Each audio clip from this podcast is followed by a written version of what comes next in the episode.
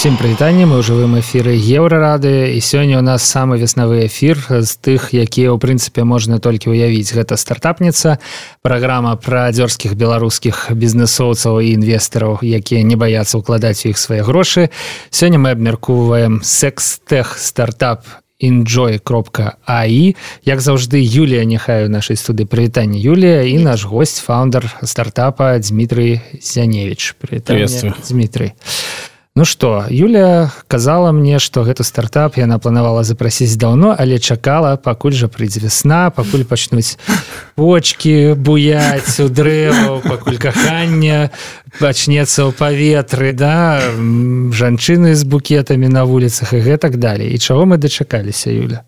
Чаго мы дачакаліся Дмітрый? Чаго мы дачакаліся Дмітрый Я так зразумеў что проект э, паспеў закрыцца. І у нашай краіне ў беларусі чарговы раз секса няма Да, наше исследование показало, что его нет. Ваше практычнае шматгадовае даследаванне да. сваім досведам і сваімі грошамі і сваімі высілкамі показала, што ўсё ж таки секс беларусам не цікавы. Місія Enjoy АІ я паглядзеў фарміравалася так дапамагаць парам разнастаіць сексуальнае жыццё. Ну слухайте просто мара. Ну сур'ёзна людзі хто з вас не марыць не хоча не думае про тое каб разнастаіць сваё сексуальнае жыццё? Ну мне здаецца можа некаторыя не думаюць можа у некаторых то ўсё і так добра але сумнеў это заўжды ёсць і заўжды ёсць імкненне да дасканаласці. Я думаю прыкладна такія думкі у вас Дмітрий былі калі вы пачыналі enjoy аі мы обнаружили, что большинство людей на Земле вообще, не только в Беларуси, недовольны качеством своей интимной жизни. И это один момент. И второй момент мы узнали, что большинство, опять-таки, людей, даже много лет находящихся в паре, ни с кем не обсуждают ничего об этом. На вот внутри... В семье, пары. в паре, даже 10 лет вместе. 60% пар общаются друг с другом о сексе впервые, э, о каких-то нюансах в кабинете у врача когда совсем все плохо як вы гэта высветлілі это было гэта вельмі крутыя звесткі вельмі крутыя даследаванні але ну як это можна ўвогуле высветліць ну это было на практике то есть, э, когда... Каждый раз, когда кажется... На практике я столкнулся с тем, что надо надо улучшать свою интимную жизнь. И я пошел лично на тренинги, на которых... Э, двухдневный тренинг в Москве, на котором А, один день был посвящен на 100% психологии отношений, хотя тренинг заявлялся чисто про секс. И второй день наполовину был про психологию. И, полови... и вот, соответственно, три четверти всей этой информации я узнал там. Угу. И я никогда не мог представить, что настолько все сложно, потому что сидела большая аудитория мужчин, все были, ну, то есть все серьезные, там студентов не было. 30 лет, 40 лет, вроде серьезные внешние люди. И для абсолютно для всех 99% информации, которую нам рассказывали, была новинка. То есть я понял со временем, как мне хорошо помогли сформулировать, что есть область мы, не, область, мы не знаем о своем незнании. Так вот, большинство людей о том, насколько все плохо в сексе, просто понятия не имеют. Потому что нам не у кого спросить, что есть норма, что есть не норма. То есть мы что-то что делаем – как обычно, природа нам поможет. Но ну, это помогает. Да, да. Но почему-то вот в школе все понимают, что надо учиться. Как-то там то, что природа помогает 2 плюс 2 на пальцах, на камешках посчитать недостаточно, а в сексе вроде как и достаточно. Можете мы... ввести все-таки несколько инсайтов, которые мы можем озвучить в эфире, а, которые вот э, они тебя поразили и поразили участников тренинга? Было уже сказано ну, на, на, 60% людей. Ну, это один пример. То есть, например, на том же тренинге, где мы сидели, э, нам показывали... Вот это был тренинг для мужчин, и нам показывали пять способов, как касаться женщины, и никто из них эти способы понятия не имел. А... Я потом пробовал, все прекрасно работает, а обычные лобовые нет. То есть... Э, Я изноў подзагнался. это, это будет эфир открыться для меня. Или, например, мы потом, когда делали на наш стартап, мы собирали базовую информацию, простейшие самые советы. Мы назвали рубрика «Быстрые советы от сексолога». А, даже, например, про прелюдию и... Или... Ну, короче, там советы несколько десятков, и из них ну, почти все для нас, как для обычных вот пользователи. Слово пользователи здесь такое своеобразное, но мы тоже ничего не знали. То бок стартап, в прынцыпе, ўзнік з нейкай асабістай з асабістага памкнення з усведамлення праблемы самім фаундерам і далей з жадання нейкім чынам распаўсюдзіць ну это новые веды ну, необходные веды не совсем так то, потому что на, на, на тренинге был год назад нет, даже больше а в это время мы делали стартап в области то есть у нас 5 или 6 пивотов было, то есть мы преобразовывались 5 или 6 раз. Начинали мы с ребятами делать вещи с дополненной реальности, пробовали какие-то, несколько, проектов, мы столкнулись с техническими граблями. Потом у нас возник стартап Journey AI, в котором мы хотели помогать людям внутри мессенджера покупать стандартные туры, пляжные туры. По сути дела, заменить турагента. А, и на самом деле это все можно реализовать, но столкнулись опять-таки с, и вначале с техническими нюансами, потом с тем, что это большая, дорогая покупка, которая совершается несколькими людьми в течение там, недели, наверное, размышлений. В общем, все это сложно чисто психологически загнать э, в мессенджер, хотя технически это все, все реализовывается. Вот. И потом бок прабачце лёгка прывязаць нейкую платежную систему ці пошук тураў да, да показать туры мы хотели чтобы да. на человеческом языке практически можно было сравнить туры потому что хороший турагент может сказать что это вот так, вот да. эти вот три задать вопросы задать показать три-четыре отеля и по-человечески сравнить их, почему тебе этот лучше или этот. Угу. Вот. И, и, и, и мы нашли, как это сделать. Но проблема не в этом. Проблема в том, что после этого принимается решение очень долго. И скорость, э, в том числе скорость перевода пляжных, вот покупок пляжных туров из офлайна в онлайн очень медленная. Когда мы встретили экспертов с российского рынка, они сказали, что 97% туров сейчас в России, например, покупается в офлайне. И они, делая, нынешние лидеры этого направления, они делали проект лет пять назад, думая, что через пять лет уже процентов 80 будет в онлайне. Ну, с тех пор не один процент стал, а аж три. Вообще, наверное, очень поменялась эта структура потребления туруслуг. То есть я вообще за всю жизнь пользовался один или два раза услугами турагентств. Да, это, кстати, одна из вещей, почему было очень сложно общаться с инвесторами для вложения денег. Никто из инвесторов не пользует, например, не покупает пляжные туры, хотя рынок растущий. По статистике он все хорошо растет. А пляжный тур это типа хургада, все включено. Да, да. Вот, это вот, вот, вот самая стандартная вещь. У меня есть знакомые, которые так ездят подшивать, в принципе. Они... Есть вещи, когда это все дешевле и проще. Но в общем, мы столкнулись с нюансами, потом получилось, что у нас было готовое решение в виде бота в мессенджере, который умеет общаться, задавать вопросы, и мы стали мы тогда поняли, что, что можно продавать точно. Это делать такого помощника а, для онлайн-маркетплейсов. Ну, например, вы хотите купить СВЧ-печку вживую. Вы идете в магазин, спрашиваете, слушайте, я хочу СВЧ-печку, вы не знаете ни что спросить, ничего. Вам приходит человек, задает пять вопросов и говорит, вот тебе это, это и это. Вот это лучше этим, это лучше этим. Угу. И мы поняли, что можно такую штуку делать. Для онлайна. Для онлайна. Чтобы человеку приходит, не знаю, там в какой-то условный Амазон локальный, ему задают вопросы, и, э, что он хочет, и помогают сделать выбор. Но мы поняли, что это скучно. Это очень нужно, но очень скучно. Mm-hmm. Мой второй founder э, Коля, он из геймдева, занимался играми. Э, мой experience это B2B, это enterprise, outsource, все, все серьезно, и нам хотелось что-то более веселого интересного. Ну и тут вспомнилась вот эта вот информация, и мы начали Начали Слушай, копать. Вот расскажи, пожалуйста, вы ведь очень много идей попробовали. То есть почему вы решили закрыть? То есть мы с тобой это обсуждали, и я, если честно, была очень удивлена, потому что вот знаю массу стартапов, которые, ну, такие стартапы зомби, они у них ничего не происходит, откровенно говоря, но а, ребята пытаются, то есть они ходят на какие-то ивенты, они пытаются поднять деньги, они пробуют податься в акселератор и прочее. А тут хоп такой, еще вот в середине февраля ты пичил, был весь такой полон огня и задора. И вот март наступил, и все. Ну, все очень просто. Ну, ну, ну нужно кушать. А, мы пытались сделать стартап параллельно с, с full-time работой. Это до, вот, одни из первых идей мы еще реализовывали, когда мы были на фултайме. Это не работает, это темп, темп, рабо... тестирование гипотез неимоверно мелкие. Кроме того, мозг взрывается. Одно дело, когда ты работаешь в B2B, одни принципы, там надо прогнозировать, правильно все делать, просчитывать. И в стартапе где-то все категорически нельзя делать. Это два разных абсолютно мышления. Это тебе надо в один и тот же день, условно говоря, быть художником и математиком. Ну, голова просто взрывалась от этого.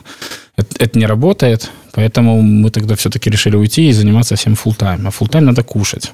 Потому что у нас из всех фаундеров есть у всех семьи, а у меня еще и дети, а есть обязательства. И если какое-то время у меня второго фаундера Коля жена, по сути дела, кормила, то по определенным причинам она тоже вынуждена уйти с работы, ему тоже надо ему тоже надо кормить семью теперь. Вот, все, все банально. То есть, что делать, мы сейчас знаем. А больше того, мы как раз в этом году вышли на хорошие метрики, ретеншена, на понимание вообще, как взаимодействовать с, с э, юзерами. Мы зараз про Enjoy AI. Да, Enjoy AI. Угу.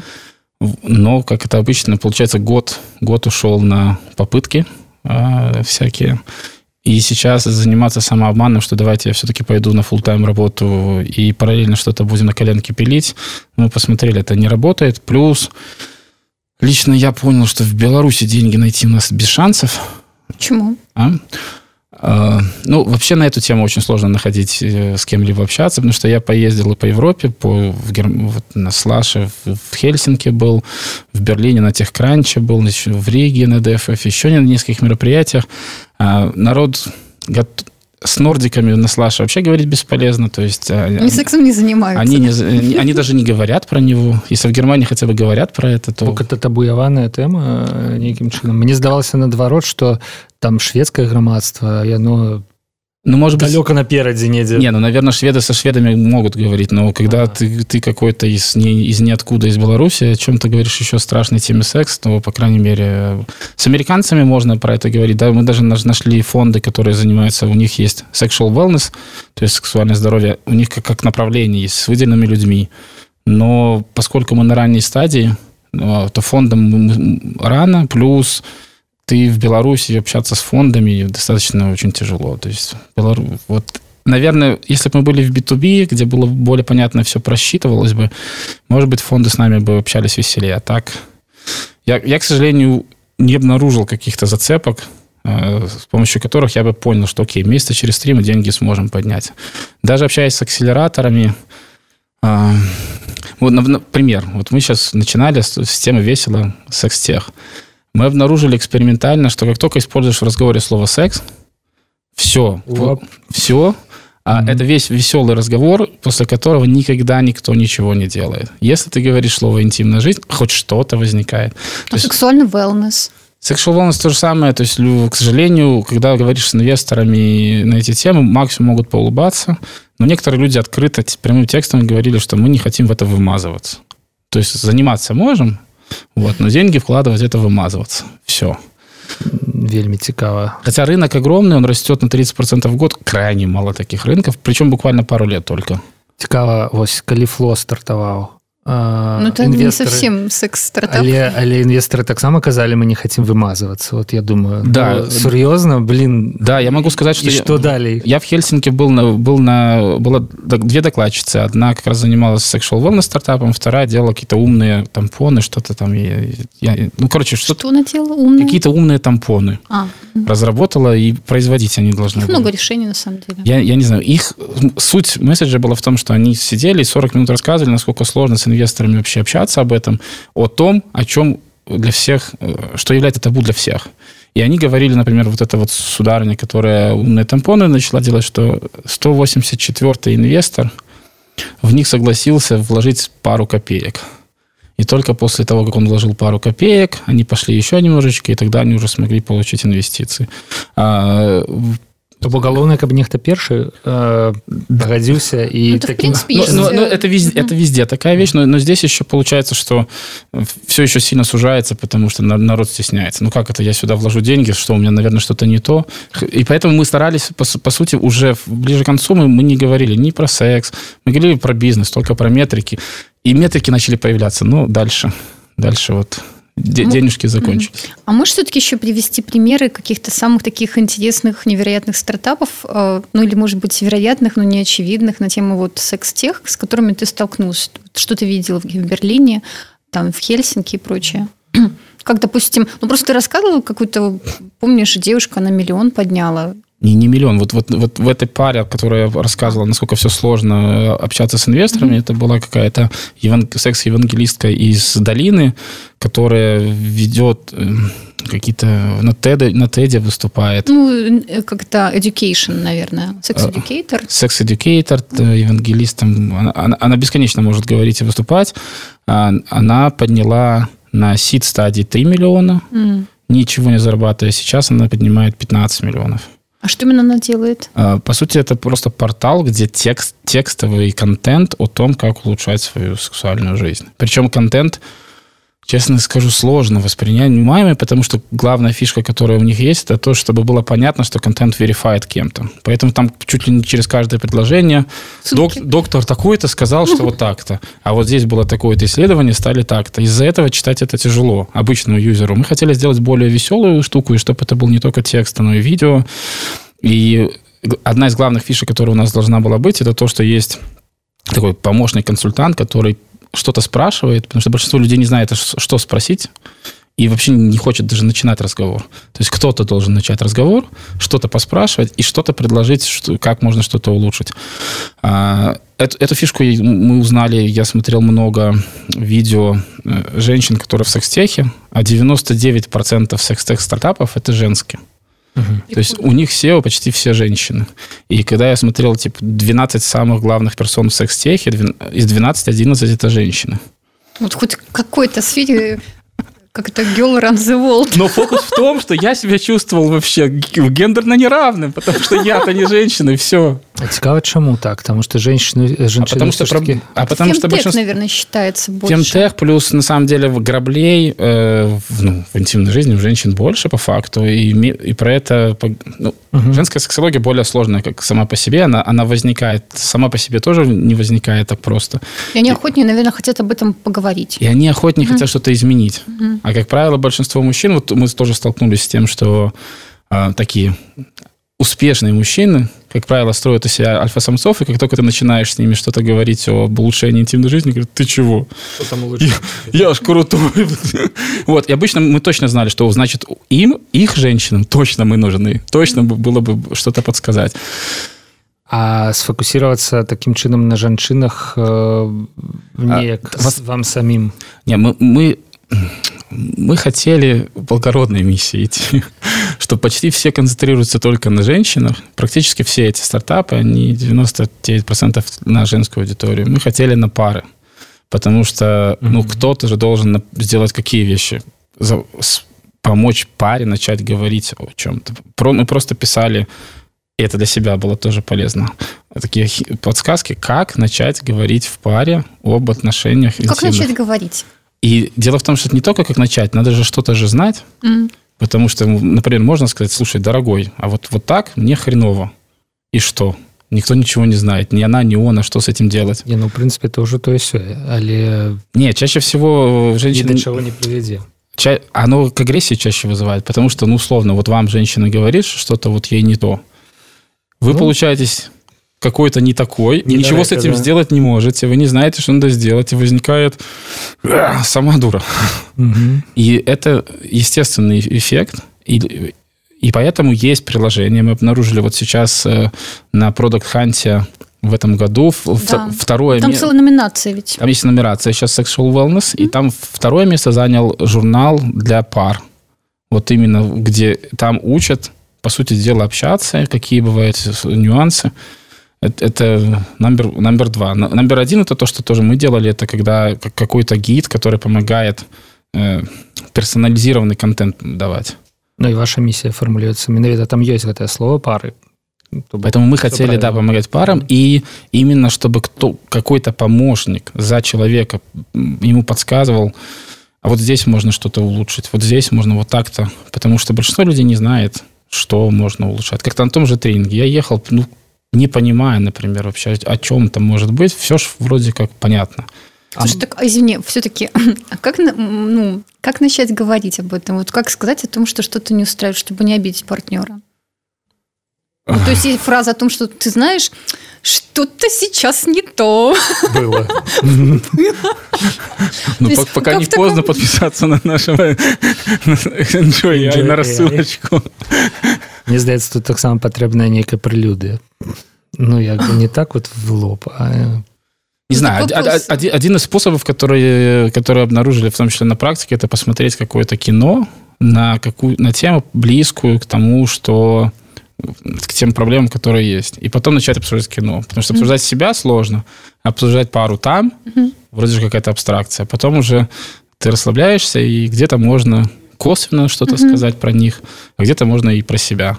Вот этот способ прекрасно работал. Мы даже собирали какие-то фильмы, фильмы, список фильмов, какие фильмы в какому случаю годятся, чтобы начать этот разговор. Невероятно. Вось дарэчы цікава што вы сказали што у enjoy мусіла быць відэа А як тут вырашаюцца ну праблемы з нашим законодаўствам Ну я прыкладно уяўляю сабе контент может дапамагчы смысл в том что у нас идея была в том чтобы это было не связано контент не про удовольствие не как получить удовольствие а тренинговый то есть чтобы было ярко выражено то есть чтобы посмотрел контент было понятно что ты образовываешься но вот, вот такое сильного удовольствия при этом не возникает але які-небудзь прокурор калі посмотрел гэты контент Ну так в интернете же полно такого. Так Смотрите. И яны час от часу цепляют людей. Так это одна из вещей. Смотрите, вот, вот какую штуку мы тоже обнаружили, когда общались. Э, мамы детей, подростков, особенно девочек, а, о чем я даже не думал до этого, сказали, окей, вы классную, интересную вещь делаете, а давайте вы сделаете контент для подростков, потому что сейчас все подростки обучаются на порно, а опорно это учат категорически не тому. У нас даже был огромный вот раздел, мы хотели расписать различия между тем, как происходит в порно и что в жизни. Это я сам, когда читал, сам удивлялся, что половину вещей, которые я там видел, и думал естественным, читал, оказалось, вообще никакого отношения к реальности не имеет. Так вот, э, они говорили, сделайте контент для подростков. И одна из идей у нас была после Хельсинки сделать в том числе видеоконтент для взрослых, а, и я все топил за то, чтобы могли подростки потом посмотреть. Как, Адаптовать как это сделать легально, я пока не знаю. Но они же все равно это смотрят. Один из случаев у меня был в реальности, когда мы показывали на одном из ивентов себя, и один из э, ведущих просто говорит, я сел с сыном 15-летним, просто показал, открыл ему Enjoy, и говорит, мы сели с ним и пошли по советам. А, по всему прошлись, я, говорит, ему что знал, прокомментировал еще. Говорит, и мне было легче, потому что хрен его знает, как начать вообще общаться mm-hmm. про это. А здесь вроде как кто-то что-то говорит, и я ему контент не даю, а просто что-то комментирую. И говорит, мой сын очень ждет ваш контент. Я понимаю, что это есть проблема, но как ее полностью mm-hmm. решить? Так, слушай, все-таки а, не переходя на личности, но вот, по-моему, ты, Саша, Паша, убедился в том, что актуальная тема і в общем-то я таксама добра ведаю по сваёй працы і потому что пішацца у прэсе і говорится афіцыйнымі асобамі что тэма секс-адукацыі напрыклад у беларусі вельмі цяжкая і сустракае вельмі вялікія перашкоды ну любые ініцыятывы якія ёсць то бок просто у нас у краіне э, палітрука дадаць у школу а вот а знаете сколько у нас сексологов в стране официальных клинических я думаю человек 20 может да три три ну, три вот так три а, обуч... а обучение этому официально вообще закрыли то есть оно не нужно но дело в том что когда вы говорите про Беларусь это все абсолютно то же самое в англосаксонских странах mm-hmm в фильмах у нас показывают не, нереальную картинку, где там американцы сексом все, все занимаются, все свободны. Это есть немножечко в Лос-Анджелесе, немножечко в Нью-Йорке. Но на самом деле в обычной Америке, которая 90% как, как как мы насмотрелись просто секс-теховских мероприятий, там тема, это такая же тема табу. Ребята из Такая фу... же патриархальная, э, говорить об этом нельзя, с родителями говорить нельзя, ни с кем говорить нельзя. И ребята из ФЛО это подтверждают что я с ними общался, что, что именно так. У них огромная база. Им пишут, дают фидбэки, они говорят, что девочки там ни с кем поговорить не могут. Угу. Вот, то есть это дело не только что только в Беларуси. Не, ну ладно, я Но мы не Беларусь, тому что я как бы тут живу, в принципе, мяне не асабліва хвалюе, что там адбываецца ў злучаных штатах, да, мяне хвалюе то, что адбываецца тут Вось. патрыот і тут так а чаму ну что это ж тое з чым мне mm -hmm. і там маім дзецям давядзецца сутыкацца калі-небудзь Вось ну что я хотел сказать пытанне сексуальной адукацыі конечно вельмі цяжка рухаецца і ну, последние последние пару лет что-то изменилось появляются сериалы про это на Netflix появляются mm -hmm. сериалы начали говорить начались шутки в там в комедий клаве поднимаются появился женский стендап где они несколько серий говорят только про секс это очень... Это как раз такая волна, на которую мы хотели запрыгнуть. Они образовывают или хайпуют? Хайпуют, мне кажется.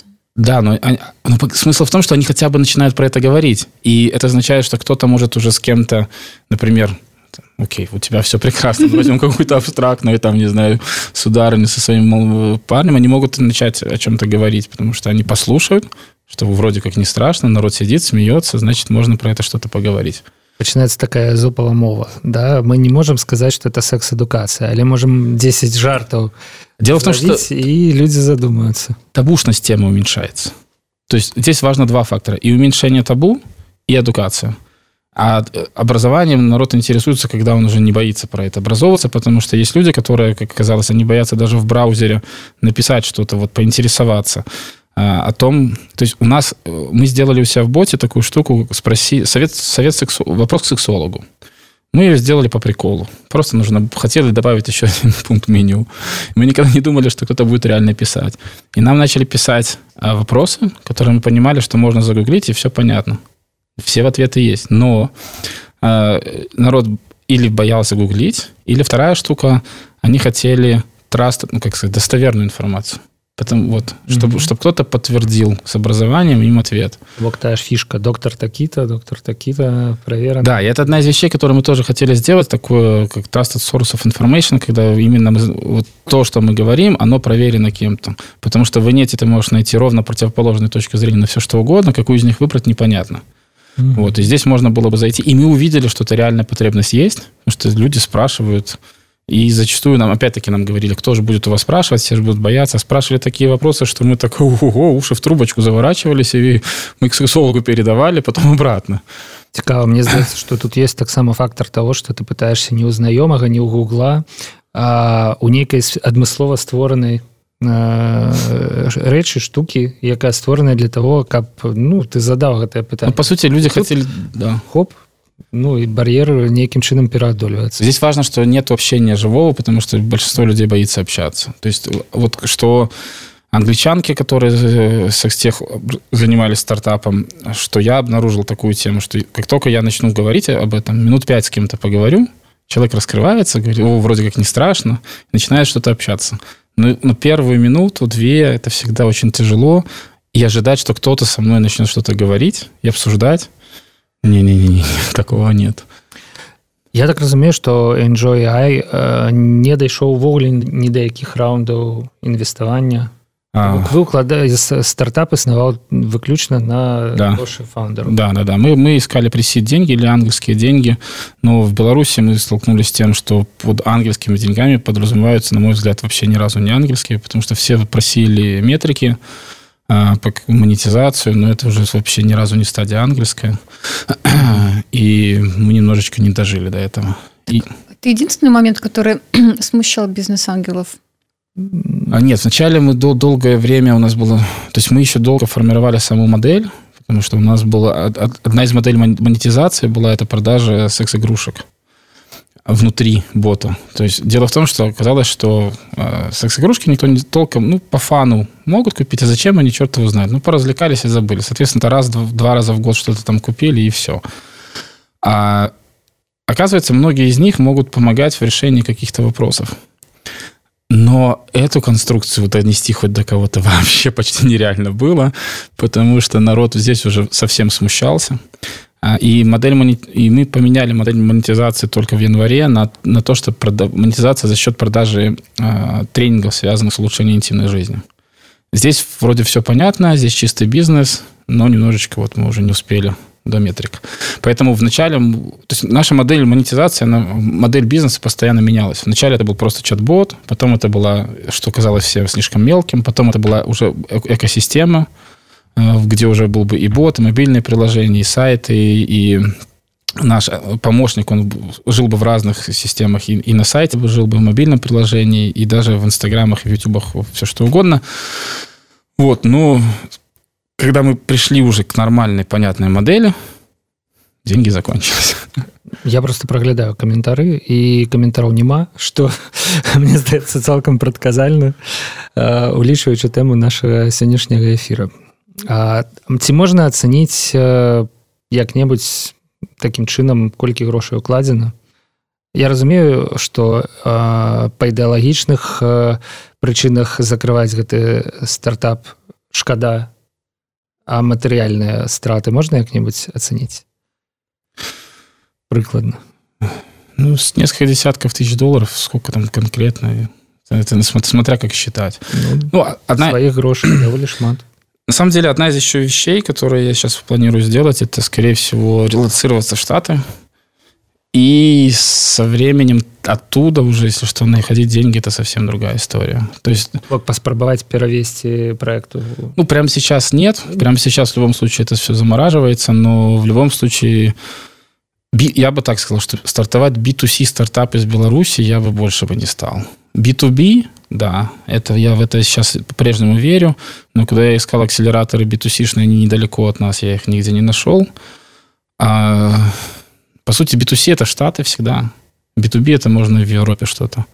Вот, находить, искать деньги. Я, я несколько раз был на разных ивентах, где люди, которые поднимали деньги в Штатах, спросили, поднимите руку, кто пытается поднять деньги в Штатах, находясь в Беларуси. Я весело поднимал руку. Теперь, теперь я понимаю, почему не смеялись. Mm-hmm. Это не работает. Вот. И в моей теме, и особенно Вообще в B2C надо искать в Штатах, а в нашей теме только, потому что в Европе я общался на тех кранче с ребятами, которые поднимали деньги для стартапа который занимается, делает видеоконтент, обучающий по теме улучшения интимной жизни. Они подняли миллионы евро. Я им говорю, ребята, вы что уже подняли? Подрасскажите, к кому вы ходили. И они такое кислое лицо сделали. Слушай, это настолько тяжело даже в Европе. Говорит, если хочешь поднимать, едь в Штаты. Там хоть, хоть есть фонды, которые на это смотрят чисто как на бизнес. У нас все начинают под этим подразумевать. Это же секс, это же что-то такое стрёмное. И бок нягледзячы што ёсць звесткі пра тое што 60соткаў людзей да? ёсць нейкія праблемы можна на 60соткаў інвестараў да то бок а, а інвесторы чаще всего кто мужчины мужчины которые как правило чего-то добились Речи, и, и, и которые соответственно себя считают что я что крутой что вы мне тут рассказываете калі б інвестарамі былі жанчыны цікава больше так я вам Было... скажу что вот эти в секс-тех стартапы в основном вкладывают же женщины угу. а у нас и, и у нас интерес кстати тоже проявляли больше женщины ну но вкладывать слабо ну, и, нас... и, и вот эти вот ребята еще которые в, в Германии в Мюнхене поднимали этот миллион евро они говорят а ты где находишься я говорю в Минске ну говорит удачи это говорит вообще не имеет никакого тебе смысла даже не начинай потому что если ты хочешь приходить к нам в Европу а, находясь в Беларуси, тебя никто не поддержит. Хочешь, физически едь в Штаты. Юля, у нас застался... Я долго в это не верил, но... Одна хвилина. Да. Есть какое-нибудь важное питание? Есть важное питание. Э, Дима вот сейчас попробовал хлеб стартапера. До того он работал в принципе, топ-менеджером в ведущих IT-компаниях. Вот а можешь как-то ты сравнить этот опыт и вот какой у тебя дальше план вообще? Что тебе поменяло, допустим, что тебе дал этот стартаперский опыт? Оп опыт невероятно интересный, потому что, находясь топ-менеджером крупной компании, я был сосредоточен на внутреннем, на каком-то ограниченном количестве людей, с которыми я общался, и я мог регулировать это. А внутри стартапа я поменялся полностью, я стал общаться с внешним миром, только с внешним миром. Внутри команды три человека, ну, два еще, с кем тут общаться. А, и мне перестало быть страшно общаться с кем-либо о чем-либо. И я пожил в ситуации внутри топ-менеджера крупной компании. Это про прогнозирование, стабильность, как, как можно лучше видеть какие-то будущие проблемы. А здесь надо видеть максимум на два дня вперед. Если ты пытаешься планировать больше, чем на два дня вперед, то ты стартап зафейлишь. И это было очень неожиданно. Мне понадобилось больше полугода на то, чтобы научиться мыслить just do it. Mm-hmm. Just do it в enterprise нельзя сябры гэта была стартапніца на жаль мы вымушаныя канстатаваць ну ведаеце для мяне таксама гэтая тэма секс тех стартапа яна гучала хутчэй як жарт я думаю что размова у нас будзе вясёлая размова атрымалася найхутчэй сумная Мне здаецца што Беларусь просто на наших вачах губляе вельмі карысны проект які мог бы памяняць наше грамадства а мог бы яшчэ і памяняць жыццё амаль кожнага. Ну то бок ёсць нацыянальны ўзровень да а ёсць асабісты. Ён мог бы памяняць жыццё амаль кожнага з нас але на жаль замаражваецца і enjoy AI Мачыма разгорнецца але ўжо ў іншай краіне і ў іншы час Дмітрий зяневич быў у нас у гасцях Дякую вам Дмітрий за гэтую размову Дякую за смеласць Дякую за досвід. Вам спасибо, что согласились. Юлія Нехай таксама прыходзіла у стартапніцу як звычайна, таксама як і Павел Свердло, пачуемся ў наступную пятніцу да пабачэння.